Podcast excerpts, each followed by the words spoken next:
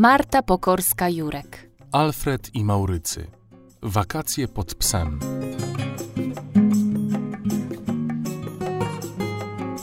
To było lato 2019. Piekielnie upalne i duszne, dlatego niewiele myśląc, ocierając lejący z czoła pot, spakowałam namiot, śpiwory oraz plecak do auta i zabrałam córeczkę Helenkę z gorącej łodzi nad morze. Moim błędem było to, że o planach nie uprzedziłam zawczasu psa Alfreda i kota Maurycego, którzy nie lubią być zaskakiwani. Powiedziałam tylko, że jedziemy nad morze i że będzie się nimi opiekowała moja koleżanka, Dagna, a my niedługo wrócimy. Pojechałyśmy nad morze i bawiłyśmy się w najlepsze. A nasze zwierzęta? Niekoniecznie. Już po trzech dniach Alfred zaczął szczerze się niepokoić. Chodził po domu obwąchując wszystkie kąty i sprawdzając, czy aby nie robimy mu psikusa i nie chowamy się w szafie. Małą pociechę przyniósł mu fakt, że w garderobie znalazł ukrytą na później parówkę.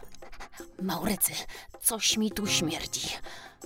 Śmierdzi to ci spyska, jak jeszcze nieświeże podroby.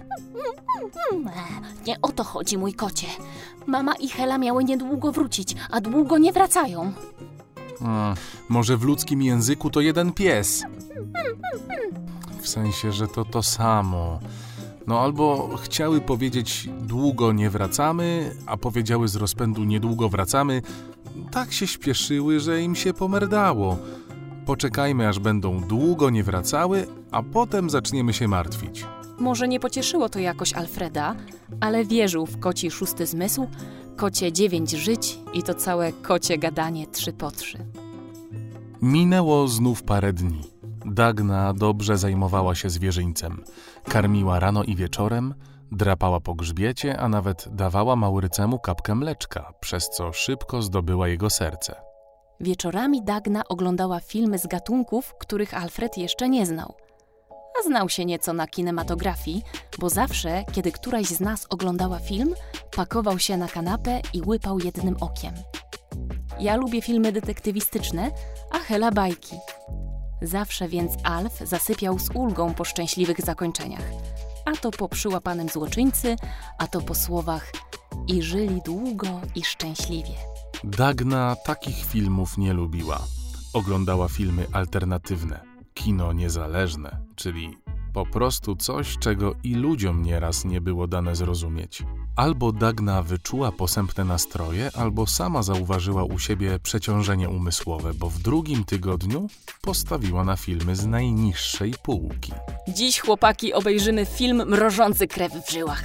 Powiedziała do kanapowców. Maurycy, lubisz rybki? O, tutaj chyba byś nie chciał spotkać. I włączyła film Szczęki, który opowiadał o gigantycznym rekinie, który upodobał sobie zjadanie ludzi kąpiących się przy brzegu. Przez całą noc dręczyły Alfreda koszmary. Śniło mu się, że ucieka przed rekinem, który grasował na stawach Stefańskiego. Kiedy Alf pobiegł za patykiem do wody, zobaczył olbrzymią płetwę sunącą w jego kierunku.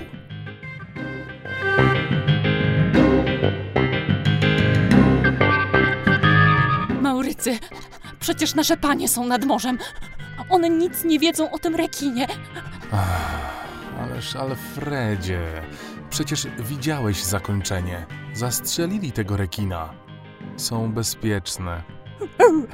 Myślę, Maurycy, że musimy po nie pojechać.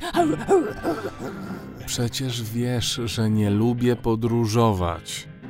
Jak kochają, to wrócą.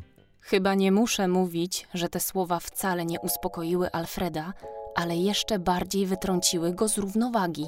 Nie lubił, kiedy jego stado było rozproszone. A jeśli już o nich zapomniały, albo się zgubiły? Maurycy pomyślał, że Alfred tak łatwo nie odpuści i jak tak dalej pójdzie, to faktycznie czeka ich wycieczka. Jeśli tak chcesz po nie jechać, to najpierw trzeba się zająć kwestią kluczową, czyli wyżywieniem w podróży. Ile masz pieniędzy? Bo ja mam tyle, co kot napłakał. A mój budżet pozwala jedynie na pieskie życie. Czyli nie stać nas na to, żeby kupić sobie coś po drodze. Musimy zostać i czekać. Maurycy, mam świetny pomysł. Najemy się zawczasu. Przeciął pazurem worek z karmą. Maurycy, jedz ile możesz, a potem jeszcze raz tyle samo. Plus dokładka. Jedli i jedli, jakby ich nikt nie karmił z miesiąc. Zjedli prawie cały worek suchej karmy. A niech to kurza stopa. Nie mogę się ruszyć. Nic mi nie mów o jedzeniu, bo czuję wtedy, że karma wraca. Dzisiaj nici z podróży. Musielibyśmy się turlać. W takim razie prześpijmy się z tym tematem. Może jutro wpadniesz na jakiś lepszy pomysł. Zarządził kot i oboje zapadli w głęboki sen. Śniło im się, że są tłuściutkimi fokami, które utknęły na plaży i miały za krótkie płetwy, żeby się ruszyć. Plażowicze zaczęli je więc spychać do morza, a w morzu już czaiły się rekiny o niezwykle bogatym uzębieniu.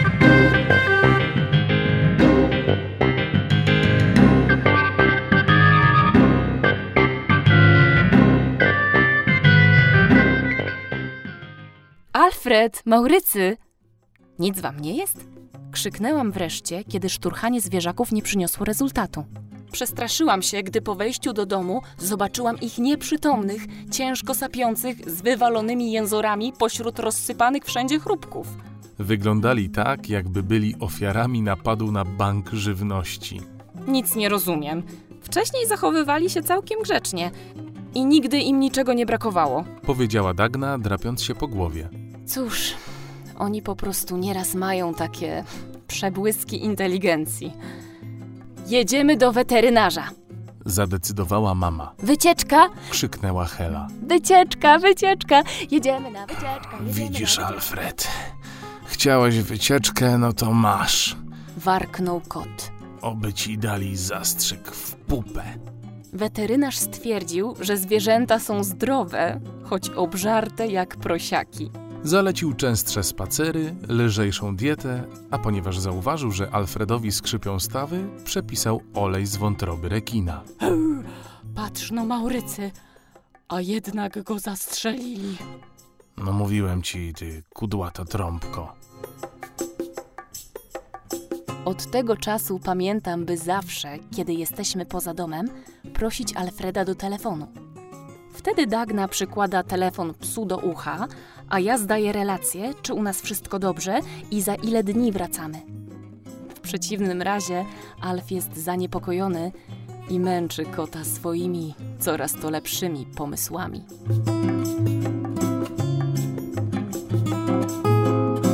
Czytali Hanna Matusiak i Piotr Osad. Projekt zrealizowany w ramach programu Kultu Granty 2.0 we współpracy z Łódzkim Centrum Wydarzeń.